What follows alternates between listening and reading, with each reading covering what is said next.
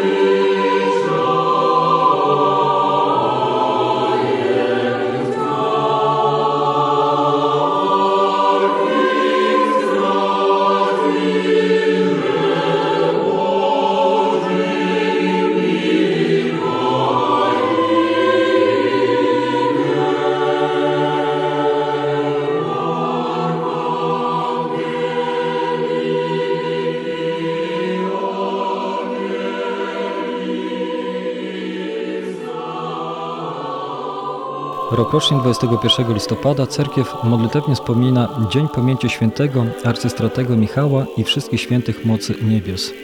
Jak wiemy, wśród aniołów istnieje hierarchia, która dzieli się na trzy grupy: wyższą, średnią i niższą, a każdą z tych grup tworzą trzy chóry anielskie, co daje dziewięć zastępów mocy niebiańskich i są to Serafini, cherubini i trony, to jest pierwsza triada, czyli grupa najwyższa. Następnie są panowania, moce i władze, druga triada, to jest grupa średnia. I zamyka księstwo, archaniołowie i aniołowie, trzecia triada, ostatnia grupa najniższa. I wszystkim tym dziewięciu chórom anielskim przewodniczy właśnie święty arcystratek Michał.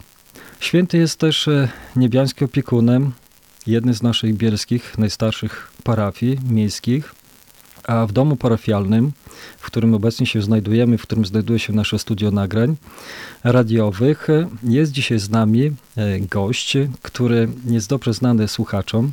Jest to przełożona monasteru świętej Wielkiej Męczennicy Katarzyny w Zaleszanach i Humenia Katarzyna, którą witam serdecznie. Sława Jezusu Chrystu, Matuszka. Sława Ojcze. Matuszka, najczęściej kiedy czytamy albo słyszymy, na przykład w cerkwi, o różnych ugodnikach bożych, to poznajemy ich żywot, trudy estetyczne, pouczenia, cuda, jakie czynili i wszystko to odnosi się do czasów, e, kiedy żyli, a więc zazwyczaj dosyć odległych czasów, a w przypadku świętego Archanioła Michała do bardzo odległych, tak naprawdę do początków. A dzisiaj porozmawiamy z Wami o cudach współczesnych za sprawą właśnie świętego arcystratego Michała, które mają miejsce i dzisiaj.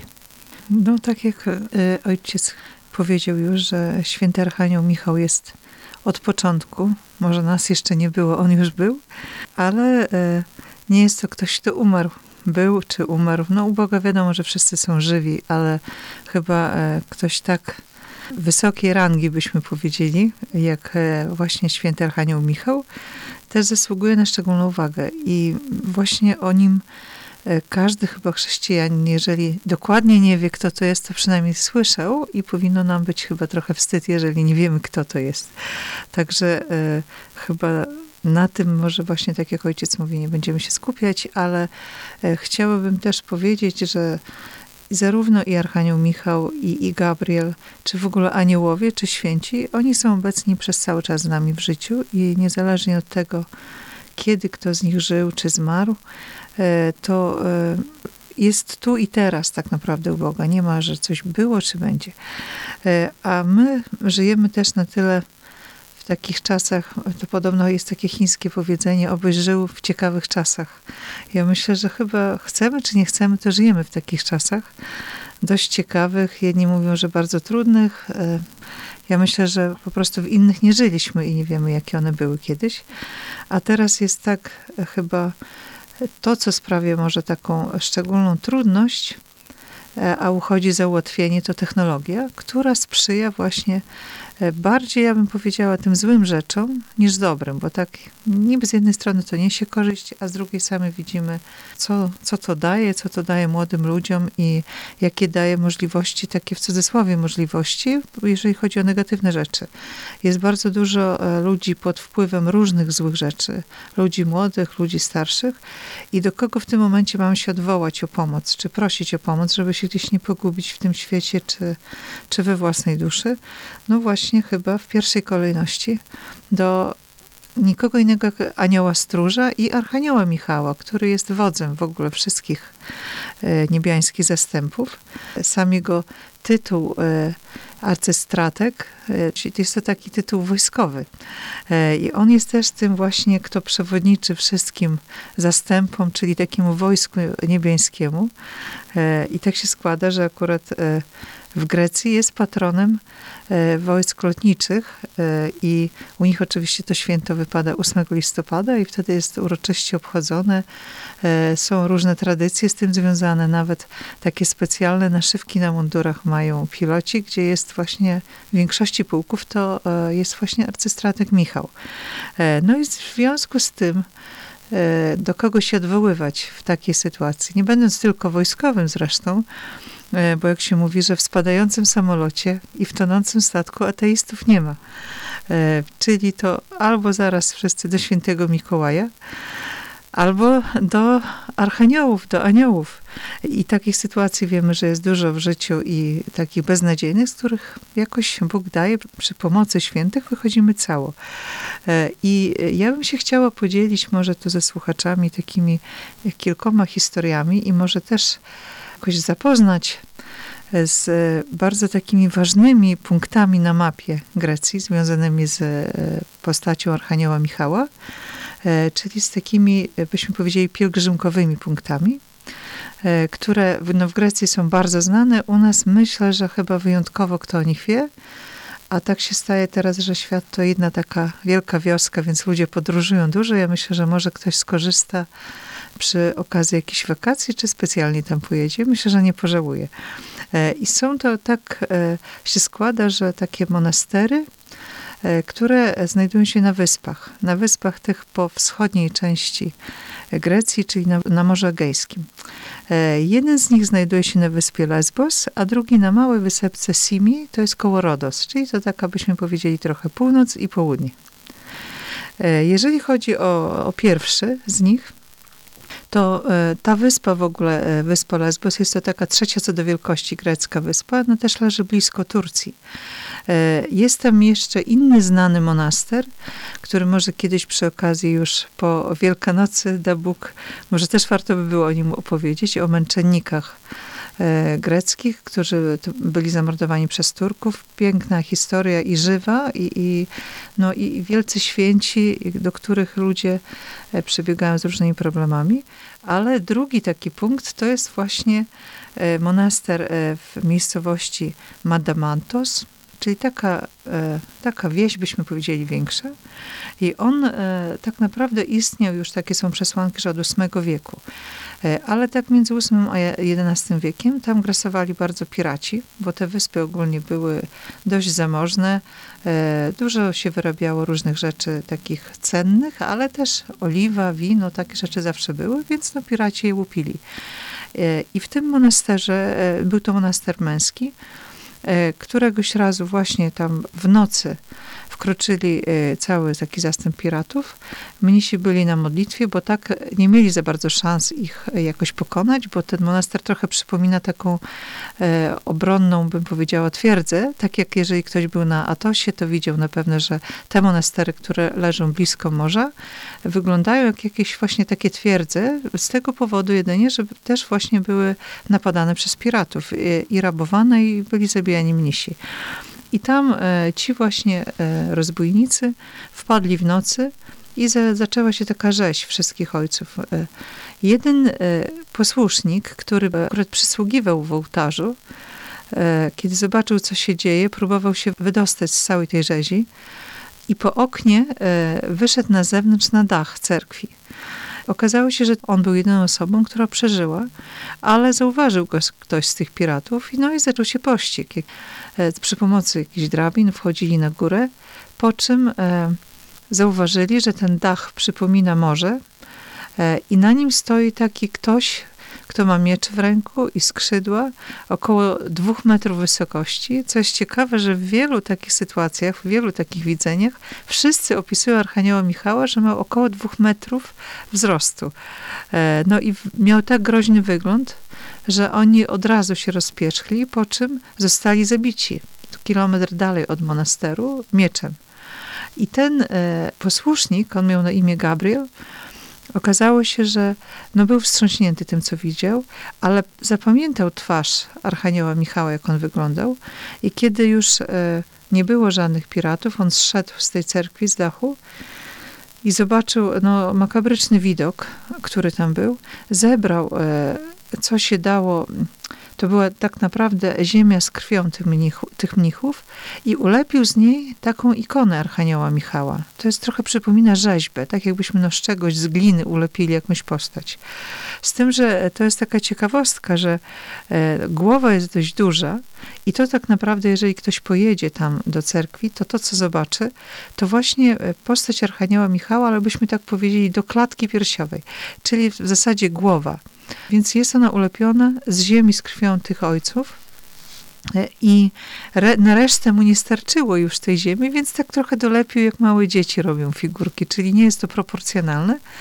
E, I co się okazuje, że e, od tamtych czasów działo się i dzieje się mnóstwo najróżniejszych cudów, gdzie wszyscy uważają, że Archanioł Michał jest żywy, i spieszy wszystkim z pomocą. E, tam oczywiście przyjeżdżają prosić o pomoc, e, no głównie Grecy, bo, bo dlatego, że wiedzieli, ale Grecy zaczynając od Australii, a kończąc na Stanach. Potrafią przylecieć tylko na weekend, żeby tam przyjść na liturgię, przystąpić do Eucharystii, poprosić albo podziękować e, no, w, w jakiejś konkretnej intencji i pojechać z powrotem. E, jest tam e, jeden z duchownych, który już wiele lat, tam jest około 50 lat bodajże, e, w tym monasterze. On zapisuje takie różne cuda i mówi, że tego po prostu no, nie sposób opowiedzieć, zresztą na pewno nie w czasie takiej jednej audycji, ale może takich kilka byśmy przytoczyli przykładów, co mi się zapamiętało, bo wiemy, że teraz no, taka plaga to są choroby nowotworowe, i tam był taki przypadek, kiedy kobieta, która miała no, strasznego raka i zero szans na przeżycie, postanowiła pojechać do monasteru i tam się jeszcze pomodlić. Ale znamy taki nasz, nazwijmy to, bogobojny zwyczaj, że coś trzeba, nie wiem, uczknąć, czy od ikony, czy jakieś, nie wiem, jakieś wstążeczki, drewienko, nie wiem, cokolwiek, bo uważamy, że to już jest siła i moc wtedy dopiero. I ona zaczekała na taki moment, aż nikogo nie będzie przy ikonie. Ona teraz, oczywiście ikona jest teraz zasłonięta szybą. Wcześniej tego nie było. I jakimś tam sposobem wycięła kawałeczek z tej ikony rzeźby, powiedzmy, kawałeczek z czoła e, świętego Archanioła i zabrała to do siebie do domu w nadziei, że będzie się modliła w domu i że e, Archanioł Michał ją wyleczy. I położyła to przy ikonach, tam gdzie miała zwyczaj się modlić, przy lampadce. No i kiedy tak usilnie się modliła, wieczorem usłyszała, że ktoś stuka do drzwi. Kiedy się odwróciła, zobaczyła, że stoi pięciu e, młodych mężczyzn, ubranych w takie dość jakieś skórzane e, odzienie, byśmy powiedzieli. E, I jeden z nich wyjmuje miecz i mówi, myśli, że to miło, jak ci wydłubują kawałek czoła z miecza, to ja ci zrobię to samo i zobaczysz, jak, to, jak będzie fajnie. Ona się przestraszyła, a ci czterej, którzy byli obok niego, powiedzieli: Michał, prosimy cię, nie, nie rób jej tego. Ona przecież nie ze złej woli. No, chciała się wyleczyć. W tej takiej desperacji to zrobiła.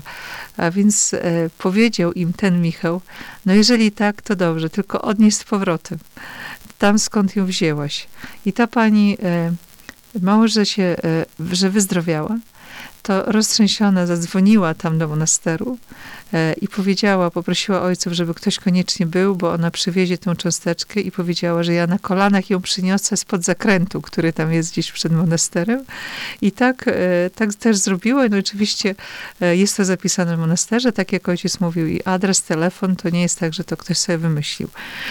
Takich. Takich historii tam pewnie można przytaczać milion, ale jest jeszcze przed ikoną, bo to, to jest coś, co widać, jak ktoś zajedzie, leży miecz. E, przed, przy samej ikonie taki duży miecz e, i okazuje się, że to też jest e, bardzo ciekawa historia. No miecz wiąże się ze, ze świętym Archaniołem. Że pewien pan z Aten przyjechał kiedyś też tam do monasteru, bardzo zbiedzony, bo no miał strasznie trudną e, sytuację finansową, a sam pracował w takim, e, nie wiem jak to się nazywa fachowo, biurze, punkcie bukmacherskim. Różne zakłady przyjmował. Ale no cóż, tyle, że pracował. A chciał bardzo kupić mieszkanie, no i nie miał pieniędzy. I przyjechał, pomyślał sobie, tyle ludzi jeździ tam się modli, to ja też pojadę do Archanioła Michała. Przyjechał tam, bardzo usilnie się modlił, żeby jakimś sposobem pomógł mu Archanioł kupić mieszkanie.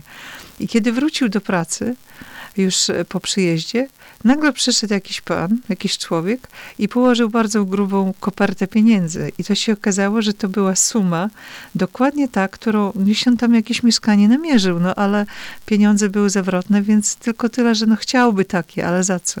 I okazało się, że tam było dokładnie tyle pieniędzy. I się nawet trochę przestraszył i zapytał tego człowieka, dlaczego pan mi przyniósł tyle pieniędzy? A ten pan odpowiedział, bo pan mi wskazał numery, które miałem skreślić e, na tym kuponie i wygrałem tyle, że mam się czym podzielić i będzie pan miał mieszkanie i ja nie jedno. No i w ten sposób człowiek kupił mieszkanie, ale przyjechał do monasteru, żeby o tym powiedzieć. E, I takie, e, myślę, że może na podsumowanie akurat tej, tej części Grecji, o której mówię, czyli właśnie tego monasteru Madamantu, to chciałabym przytoczyć, przytoczyć historię z pewnym pilotem. Bardzo ciekawą, myślę. E, e, okazuje się, że to jest sprzed kilku lat. Dość świeża historia, gdzie jeden z pilotów, e, który no nie wojskowy, ale pilot samolotów pasażerskich, latał, był kapitanem w ogóle w, i latał w liniach lotniczych w Sudanie. No i któregoś razu zaplanowano taki lot edukacyjny dla pewnej szkoły. E, wszystko było już dograne, dzieci miały lecieć tym samolotem, tam lot miał trwać coś około półtorej godziny, żeby panie e, im opowiedziały, jak to wygląda od początku do końca. Taki typowy, powiedzmy, no właśnie edukacyjny, szkolny lot. Była piękna pogoda, wszystko było super. E, dzieci wsiadły do samolotu, no i wystartowali. I okazało się, że kiedy już wznieśli się dość wysoko, Nagle przed nimi pojawiła się straszna chmura, której wcześniej ani nie zapowiadano, że coś takiego ma być, ani nie było widać na ich radarach. I kiedy wlecieli w tę chmurę, myśleli, że to jest tylko coś tam przejściowego. Okazało się, że ona nie ma końca. I kiedy próbował ją przelecieć górą, e, dalej nie mógł już lecieć, bo by samolot nie wytrzymał, bo to by było za wysoko. Kiedy próbowali ją wziąć dołem, też nie było nic widać, bo się okazało, że nagle zaczęły wysiadać wszystkie urządzenia, czyli te, które wskazują wysokość, te wszystkie pomiarowe. E, no i sytuacja się zrobiła nieciekawa, po czym zaczęło strasznie rzucać tym samolotem. Pioruny, rozpętało się takie piekło. Więc e, kapitan prosił stewardessy, żeby uspokajały dzieci, a on zrobi co może. Trwało to bardzo długo, po czym bardzo e, był zaniepokojony drugi oficer i powiedział w pewnym momencie, że mamy paliwa tylko na 20 minut i nie, nie wiemy, gdzie jesteśmy, więc bali się, co, nie wiedzieli w jakim kierunku lecą i co gorsza na jakiej wysokości. No i okazało się, że e, po iluś jeszcze próbach kapitan powiedział, że to chyba na tyle, już nic nie jest w stanie zrobić. A drugi oficer mówi, więc zostało nam paliwa na 10 minut lotu i nie wiemy, gdzie jesteśmy. No więc e, kapitan powiedział, że zdaje sobie sprawę, z czym to się wiąże, czyli tam był wiski krzyk na pokładzie, spanikowane nawet panie stewardessy, bo już wiedzieli wszyscy, że to będzie koniec. I on sobie zaczął wspominać e, różne ciekawe rzeczy. Mówi, chciał tym zapełnić ten jeszcze resztkę tego e, życia, które mu zostało. I okazało się, że mówi, że najmilszy czas to spędzałem kiedyś tam na wyspie Lesbos, skąd pochodziła moja mama. Przypominałam wakacje z dziadkiem, jak dziadek nas oprowadzał, woził gdzieś tam różne rzeczy. I kiedyś jeździliśmy z nim do takiego monasteru, gdzie jest e, cudowna ikona Archanioła Michała i on mówił, że o co poprosi się Archanioł Michał spełnia. I on mówi, kiedy przypomniał te słowa, to z całej siły zaczął prosić Archanioła Michała, że błagam cię, ratuj nas, te dzieci i nas, bo tylko w Tobie nadzieja, skoro spełnisz wszystkie nasze prośby. A ja obiecuję Ci, że jak nas uratujesz, to zrobię samolocik taki z, ze szczerego złota i zawiozę tam do monasteru. I kiedy tylko to powiedział, to zobaczył przed sobą, właśnie przed samolotem, dwumetrowego archanioła Michała, który podniósł miecz, popatrzył na niego z dobrą twarzą i zniknął. I kiedy on zniknął, to przed nimi się pojawił pas na lotnisku, gdzie idealnie wylądowali i wystarczyło paliwa co do ostatniej kropli, żeby się zatrzymać i z nikim się nie zderzyć przy okazji. Więc e, ten e, ojciec, który jest e, tam proboszczem też e, opowiedział, że on ma to zapisane i oczywiście jak ktoś tam pojedzie, to zobaczy, że tam wisi niedaleko ikony taki szczerozłoty samolocik. I jeżeli byśmy już tak z wyspy Lesbos przenieśli się na południe, to... Ja jeszcze mm, pozwolę mhm. sobie zapytać i dopytać. Mhm. O tą ikonę chciałbym dopytać. Ta ikona w cerkwi, w, rozumiem, że w nawie środkowej pewnie się tak, znajduje, tak, jest tak, ogólnodostępna dla każdego, czyli Oczywiście. dla pielgrzymów, dla osób, Jak które znajdują się. Tak. Mhm. Także tam każdy może pójść się pomodlić i, i, pokłonić się tej ikonie. Tyle, że jest teraz za, za szkłem. A jeszcze może też taka ciekawostka, to co e, ojciec nam podkreślał, że um, przecież ona jest ulepiona z ziemi, krwi, podobno z domieszką wosku. Ale mówił, tak jak wiemy, jak e, ludzie podchodzą do ikony, całują, głaszczą, nie wiem, przykładają różne rzeczy. Tutaj pani jedna przykład był, że próbowała troszkę tam ułamać. On mówi, żeby przez tyle lat była z marmuru, to by został ślad, że się zniszczyła, a tam nie ma śladu. I też jest inna ciekawostka, że ona zmienia kolor nieraz. E, gdzie jest raz taki bardziej czerwony, krwisty, raz jest wręcz czarna.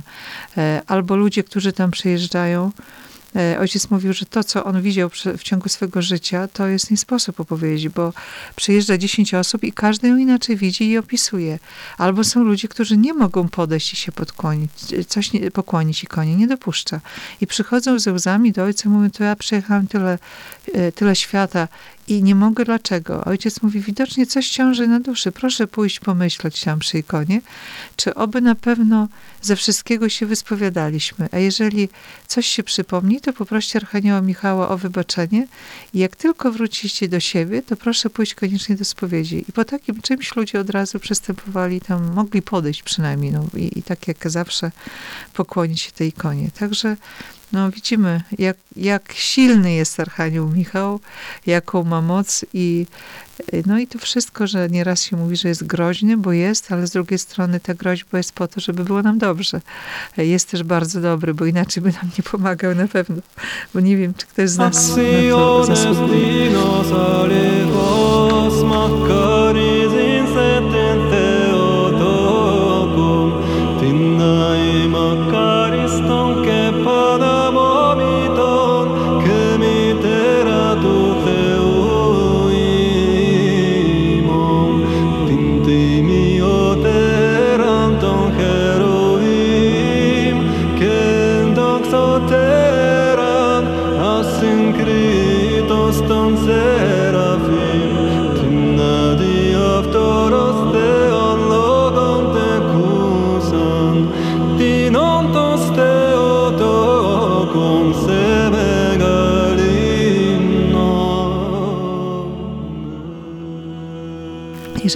Teraz o, o to drugie miejsce, to jest mała taka wysepka Simi i tam e, jest najlepiej i chyba taka jedyna droga, żeby dotrzeć, to z wyspy Rodos. To jest niedaleko Rodos.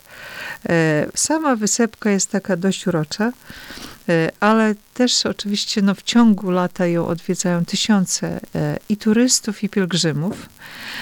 Wcześniej jeszcze przed pandemią był o wiele większy ruch, ale ja myślę, że teraz to powoli powraca do, do, na stare tory. Tak jak tam opowiadają ojcowie, że pielgrzymi przyjeżdżają z różnych końców świata, nawet z Chin. Ale co ciekawe, że to nie tylko prawosławni. Bardzo wielu przyjeżdża tam Turków, bo wiemy, że to jest blisko Turcji. A w Turcji trzeba wiedzieć, że jest bardzo wielu kryptochrześcijan. To nie jest tak, że jak oni mówią, że są muzułmanami, są.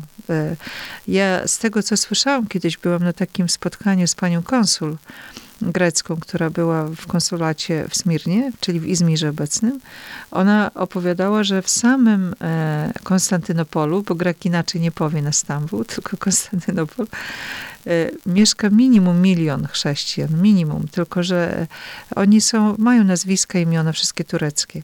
I tam do Archanioła Michała na Simi, którego oni nazywają Panormitis, tak charakterystycznie, przyjeżdżają właśnie Turcy, którzy się modlą, zapalają świece i przyjeżdżają prawie co roku, bo mówią, że oni bardzo wierzą, że im Archanioł Michał pomaga e, i jak mu się nie pokłonić. Teraz kto to jest do końca, nikt nie wie, niby Turcy, e, ale też e, i tacy muzułmanie z innych stron, bo czczą Archanioła Michała, też gdzie widzą świętego Jerzego, bardzo go czczą, także no kto wie. Pan Bóg różnymi drogami działa i różnych ludzi do siebie prowadzi. Więc też tam jest co z kolei charakterystyczne. Jest to ikona Archanioła Michała w takim, byśmy powiedzieli, w srebrnej koszulce. I nieraz ludzie opowiadają, jak nagle w czasie nabożeństwa ktoś spojrzy na ikonę, no nie jedna osoba, później wszyscy, że nagle nie ma twarzy Archanioła Michała, tak jakby zniknęła spod tej koszulki ikona. I okazuje się, że właśnie w tym momencie był jakiś wypadek straszny albo inne nieszczęście i ludzie cudem się uratowali. I później już jak minie pół godzinki znowu jest. E, tam e, wszyscy są do tego przyzwyczajeni i nawet na tych wyspach e, mówią, że my go traktujemy jako członka rodziny Archanioła Michała, bo i rodzimy się i umieramy. U nas jest cały czas Archanioł Michał obecny w domu. Nawet młodzi ludzie, młodzież, to jest takie chyba też optymistyczne, bo mówią, że to się przekazuje z pokolenia na pokolenie. Jak się budzą, to pierwsza rzecz Archanioła Michała poprosić o pomoc, a jak się kładą spać, to znowu, żeby noc dobrze że minęła i podziękować mu za ten dzień. Mówią, no jak do kogo innego? Przecież to nasza rodzina. Więc ze wszystkim do niego się zgłaszają. Jest tam też bardzo taki e, wzruszający chyba zwyczaj, że jak statek przypływa tam pod monaster, jest taka przystań, to e, statek tak trąbi charakterystycznie, bo mówi, że wita Archanioła Michała, na co monaster dzwoni w dzwony. E, I to jest, e, no ktoś pierwszy raz jakby to widział, czy słyszał, naprawdę wzruszające bardzo. Jak odpływa statek, znowu Archanioł Michał ich żegna, czyli statek trąbi, a dzwony biją. I, I biją na takiej dzwonicy, która byśmy powiedzieli, za bardzo nie przypomina greckiej budowli, bo sam monaster, no to nawiązuje w jakimś tam stopniu ale dzwonnica jest bardzo charakterystyczna. Okazuje się, że jest to kopia dzwonnicy e, z e, ławry świętego Sergiusza w Siermiem Posadzie bo były bardzo duże związki właśnie tego monasteru z Rosją wcześniej, z konsulami rosyjskimi, którzy byli w Konstantynopolu, którzy dużo bardzo zawdzięczali monasterowi, bo on w odleglejszych czasach to był taki, no raz, że bardzo liczebnie duży, a dwa, że prowadził też taką światową działalność bardzo dużą. Dużo e, dzieci nawet tych urzędników się uczyło tam i później darowali różne rzeczy. Tam jest muzeum piękne, gdzie są płaszczenice carskie stare, czy jakieś księgi, nawet Ewangelie, czy utensylia i, i tak dalej. Więc e, no, to też jest jakby oddzielna taka część monasteru. Ale e, sama ikona, o której już mówiłam, ona też e, no, słynie wieloma cudami, też ma dwa metry wysokości, jak mówiliśmy na niej. I tam jak powstał ten monaster? Otóż pewna kobieta znalazła w tym miejscu ikonę Archanioła Michała, wybudowano cerkiew, zaczęto się modlić i po prostu cuda narastały jedne za drugimi i to chyba jeszcze bardziej zaczęło przyciągać ludzi. E, jeżeli ktoś tam zajedzie, zobaczy na, e, w takich miejscach specjalnych w monasterze mnóstwo miotełek małych, E, u nas tego nie zobaczymy akurat nigdzie. A dlaczego? Też tam są ludzie przyzwyczajeni, że powstała taka tradycja, żeby zawieźć do Archanioła Michała miotełkę, żeby powymiatał choroby z ludzi. Szczególnie ludzie, którzy mają e, jakieś choroby na rękach. I opowiadał sam, widziałam, jak opowiadał kapitan statku, który mówił, że mnie to nie dziwi, bo ja tych ludzi wiozę w tamtą stronę, widzę, jak oni wyglądają, jakie mają rany na rękach, a wracają zdrowi, ze łzami w oczach. Na, tym samym rejsem tylko że popołudniowym na przykład. Więc e, to też no, takie zwyczaje bogobojne no, nie biorą się znikąd, ale jak widać jakoś miłe Bogu chyba są, skoro, skoro też Archanioł Michał to przyjmuje. E, I jeszcze jedna też bardzo charakterystyczna rzecz, to to, że e, nie wiem, czy gdziekolwiek jest coś takiego indziej. Tam jest mnóstwo rzeczy, można zobaczyć takich pakunków, byśmy powiedzieli, podpisane dla Archanioła Michała, czy tam na przykład dla Panormiti, tak jak oni go nazywają. E, jest zwyczaj taki u Greków, którzy mieszkają w diasporze, czyli tak jak mówiliśmy do Australii po Stany Zjednoczone, że chcieliby tam pojechać, bo tam dziadkowie, rodzice jeździli, no ale sytuacje są różne, czy też finansowe, czy czasowe. Więc to, co by chcieli przekazać, to albo pakują do butelki, i wysyła, wrzucają do wody. Takie przykłady są na przykład z Kanady. Ludzie wrzucili zapiski, e, ładan do środka, e, jakąś świeczkę, zakorkowana butelka, zapisane, napisane do, e, właśnie na Simi do, do tego monasteru Panormiti i wrzucili w jednej z rzek kanadyjskich i to przepłynęło do monasteru. Po jakimś czasie, jak ludzie piszą swoje dane, to monaster odpowiada, przesyła, wysyła list, że odsłużyliśmy za was służbę, czy molebień, tak jak prosili i dziękujemy za wasze ofiary. I to jest potwierdzenie, że dotarło. E, tak samo z Australii ludzie wysyłali oliwę na przykład w bańkach pięciolitrowych, e, czy kapitanowie statków z różnych części Grecji od Krety właśnie gdzieś tam po Pireus, po północ, e, gdzie pisali, że no sami nie mają jak, bo praca akurat nie pływają na tych rejsach, ale chcą taką małą ofiarę przekazać. E, nawet tam jeden z mnichów opowiadał, że to rybacy czasami wyłowią tam przy monasterze, ja jest podpisane, to niosą od razu do monasteru. To na przykład, co jeszcze wysyłają ludzie? Wino liturgiczne, też, tak jak już mówiłam, jakieś właśnie prosfory, no to co może się przy Właśnie, prosfory, to jest ciekawe. Ojciec powiedział, że ludzie czasami kurierem wysyłają prosfory, bo w Grecji jest taki zwyczaj, że sami ludzie pieką prosfory. Oczywiście nie każdy, bo trzeba wiedzieć jak i, i no, i jakim przy tym być człowiekiem, ale e, niosą i do tego dodają zapiskę i często niosą do cerkwi. To możemy zobaczyć, jak tam jesteśmy. Ale chcą też wysłać tam do monasteru, więc kurierem wysyłają. Zanim dojdzie kurierem, to może też przypleśnieć i już się nie nadaje. A ojciec mówił, ale jak tu wytłumaczyć, że przychodzi prosfora z Australii przez morze i jest świeża, jak ją wyjmują tam przy, już przy przystani. Więc e, mówi, na pewno raczej to nie płynęło rok. E, to już w tym nasza mądrość trochę jest za głupia, żebym tak powiedziała, żeby to wytłumaczyć. E, I takich tam butelek jest dużo. To no, polecam bardzo. Jeżeli od nas, no, wiem, że dużo ludzi gdzieś tam też lata i na Rodos, albo może specjalnie odbyć sobie taką pielgrzymkę, bo i sam Rodos ma dużo do zaoferowania z takich świętych miejsc i monasterów, więc czemu by nie? Może połączyć jedno z drugim, a będzie to chyba więcej korzyści dla duszy niż dla ciała z takiego wyjazdu. E, I to, co może tak na zakończenie, tak jak tu ojciec prosił, jakieś współczesne rzeczy jeszcze dodać, bo myślę, że to nam dodaje wiary ogólnie wszystkim. Takie e, dwa cuda, jeden, e, o którym słyszałam, e, dotyczy małżeństwa, które miało jedno dziecko, no ale chcieli mieć drugie dziecko, e, no i nijak. Minęło 10 lat, więc stwierdzili, a może jednak pojedziemy na Simi, ktoś im powie, tak blisko tutaj macie. Jeżeli się nie mylę, oni są z Rodos, ale nie chcę tutaj zapewnić na 100%. W każdym razie z okolic tych monasteru. Więc dlaczego nie pojedziecie do Archanioła Michała, jeszcze go nie poprosicie o pomoc? No i, i żona tego, tego mężczyzny powiedziała, że kiedy się pomodliła, to wzięła knocik od łampatki i go połknęła. I mówi, że albo pobłogosławi Archanioł Michał i urodzi się dziecko, no albo już to ich ostatnia nadzieja. I przyobiecała, że jeżeli będzie syn, to na pewno będzie Michał, a jeżeli dziewczynka, to Michaela, tam tak nazywają. No i e, minął bardzo krótki czas i okazało się, że jest w ciąży. Bardzo się ucieszyła. No i kiedy rodzi się to dziecko? 8 e, właśnie listopada, kiedy tam jest Archanioła Michała. Powiedzieli, żeby ktoś tak chciał. To by chyba nie wyszło. No i żona mówi do męża, że oczywiście nazywamy syna Michał. Tu mąż nagle ale jak to? Grecki zwyczaj. Syn, pierwszy syn zawsze nosi imię dziadka po ojcu. Więc ojciec się tak mówi, mój ucieszy, jak go nazwiemy syna, bo pierwsza była córeczka. Nie, po ojcu damy. Ta, że nie, no przecież było obiecane, że e, modliliśmy się do Archanioła Michała. No ale co się okazuje? To przypomina trochę taki cud, który miał miejsce w Syrii, też z pewnym e, Arabem z Arabii Saudyjskiej e, kilka lat temu, że dziecko ma zaciśniętą dłoń i nie mogą rozprostować rączki. No jakieś masaże robili, jakichś specjalistów wzywali, nic nie rozprostowuje tej rączki. I w końcu e, ta żona powiedziała nie, chłopczyk na cześć Archanioła Michała będzie nazywał się Michał. W tym momencie otworzyło rączkę i tam był knocik. Który mama połknęła. Więc już mąż nie miał żadnych obiekcji.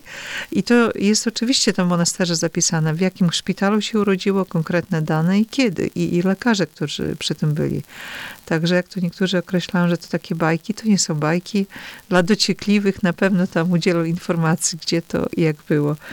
No i może zaczęliśmy z samolotami, skończymy z tymi samolotami, żeby szczęśliwie ktoś doleciał na Rodos i się nie bał. Na pewno Archanioł Michał pomoże.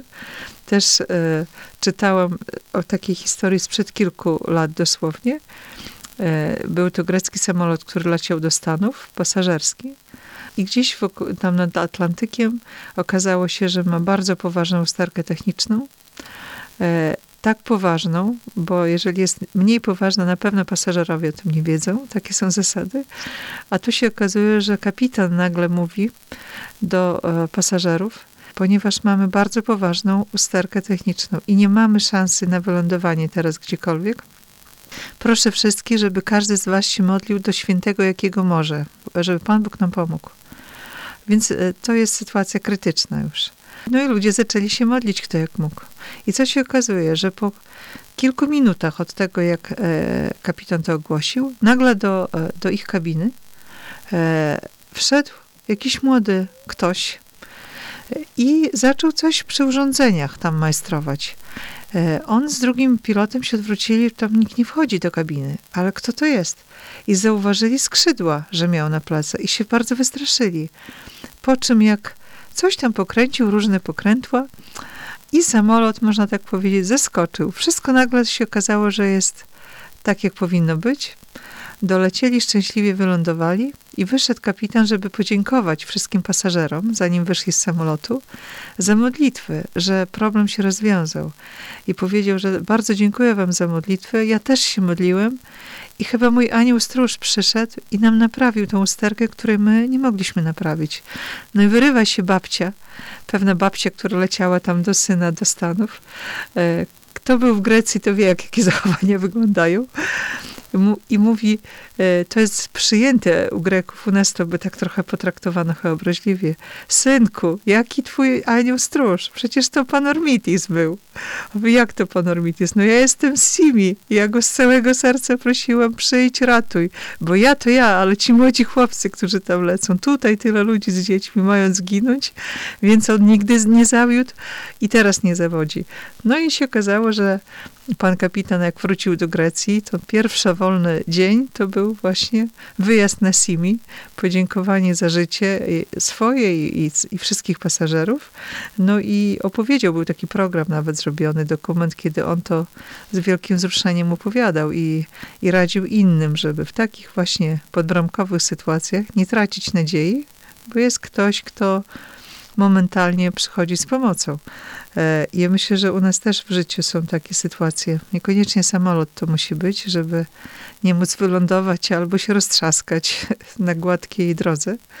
Także teraz przy okazji tak wielkiego święta, że wszystkim nam trzeba sobie to przypomnieć jeszcze, że jest ktoś nad nami, kto ma i siłę, i moc, i może ustrzec od, od tych złych rzeczy, które wszędzie się czają, a chyba Gorsze są te takie duchowe, bo tutaj rozmawiałam w tej chwili o bardziej tej fizycznej stronie może naszego życia, ale to, co się dzieje w naszych duszach, czy to, co się dzieje w młodszych, w starszych ludziach, gdzie ten właśnie inny archanioł, taki w cudzysłowie, próbuje nami zawładnąć, to też był jeden z wyższych rangów aniołów, tylko że odpadł od Boga. E, a ten, kto stanął na straży wszystkich aniołów i, i ujął się za Bogiem, byśmy tak po ludzku powiedzieli, to właśnie Archanioł Michał. I ja myślę, że e, no, przy okazji tego święta odświeżymy sobie w pamięci to, że, że zapominamy na co dzień o tak wielkich postaciach i tak wielkich świętych. Tutaj nawet nie wiem, jak, jak to się odnieść i określić Archanioła Michała. Po prostu Archanioł Michał chyba. E, I żeby w tych właśnie ciekawych naszych czasach, gdzie się tyle rzeczy złych dzieje i, i nieszczęść, i tragedii, i bied, i wojen, żeby może On obronił, a, a my to, co możemy zrobić, to to, co ojciec tam mówił w monasterze tym na Lesbos, żeby się pokajać, żeby móc przystąpić nawet do ikony jakimś czys bardziej czystym sumieniem i wtedy na pewno Archanioł Michał nas nie odrzuci, tylko będzie z nas dumny. Matuszka, bardzo, ale to bardzo z głębi serca Wam dziękuję za przyjęcie zaproszenia, za przekazane tu bardzo ciekawe mm, opowieści o tych cudach, których y, tak naprawdę to myślę, że mało kto z nas wie, słyszał, a tym bardziej w tych miejscach nie był. E, a tak jak opowiadaliście, mm, to tak jakbyśmy się sami przenieśli, ja przynajmniej tak mm, odczuwałem, jakbym sam tam gdzieś był i widział, dotykał czy tej ikony, e, czy właśnie tego monasteru, w tym monasterze przebywając. Bardzo cieszę się, że e, możemy tutaj na antenie Radio Ortodoksja o takich rzeczach mówić, opowiadać dla radiosłuchaczy, dla pokrzepienia właśnie naszej wiary, dlatego że tak jak zaznaczyliście, żyjemy w ciekawych czasach, ale czasach, które bardzo często nie idą w parze z takim życiem duchowym. Bardzo często nie idziemy w przód, a cofamy się pod tym względem. I to jest takie dosyć e, smutne, ale z drugiej strony z nami Bóg i nie ma co się smucić, e, albowiem e, były różne czasy i będą na pewno jeszcze też różne przed nami mm, czasy, abyśmy tylko, prawda, tą iskierkę zawsze mieli nadziei, ufności i właśnie wiary i pokładali tą wiarę w Pana Bogu, a święci są wokół nas, aniołowie tym bardziej. Każdy z nas, to co Matuszka powiedziała, ma swojego anioła stróża, są i pomagają i będą pomagać, a te przykłady namacalne, które tu przed chwilą powiedzieliście, no są najlepszym tego dowodem. Bardzo Wam dziękuję. To ja dziękuję. Będę się bardzo cieszyła, jeżeli komuś coś tam w sercu drgnie w dobrą stronę e, i zacznie szukać właśnie pomocy u takich wielkich świętych tam na niebie, a nie gdzieś tutaj w bardzo takich przyziemskich różnych przybytkach. Nie wiem, zatracając się przy tym, jeszcze innych wciągając w złe rzeczy.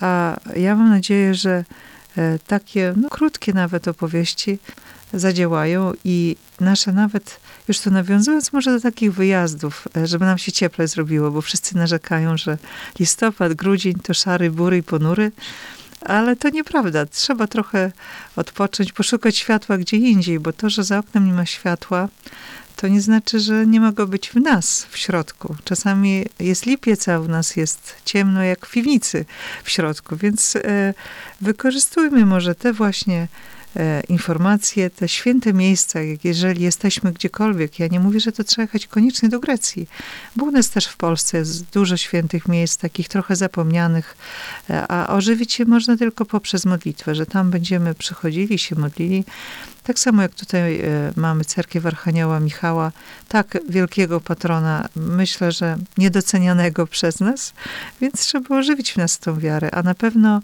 jeszcze usłyszymy nie, nie o jednym świętym, nie o jednym wydarzeniu. E, I to tylko jest dowód na to, że nasza wiara jest i prawdziwa, i żywa. Chyba tyle. Dziękuję bardzo. Wszystkiego, Wszystkiego Dziękuję Wam bardzo.